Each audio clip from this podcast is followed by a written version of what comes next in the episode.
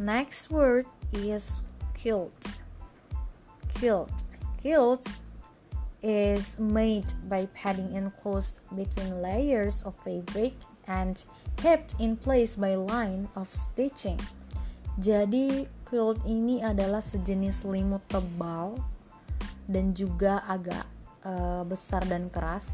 Ini kainnya terbuat dari gabungan-gabungan kain yang biasanya itu ada bentuk pola-pola, ada susunannya dan ini dijahit. Jadi kilt ini jenis selimut yang tebal dan beda dari selimut lainnya. Jadi kilt ini jenis selimut yang terbuat dari jahitan-jahitan atau gabungan-gabungan dari kain-kain lainnya.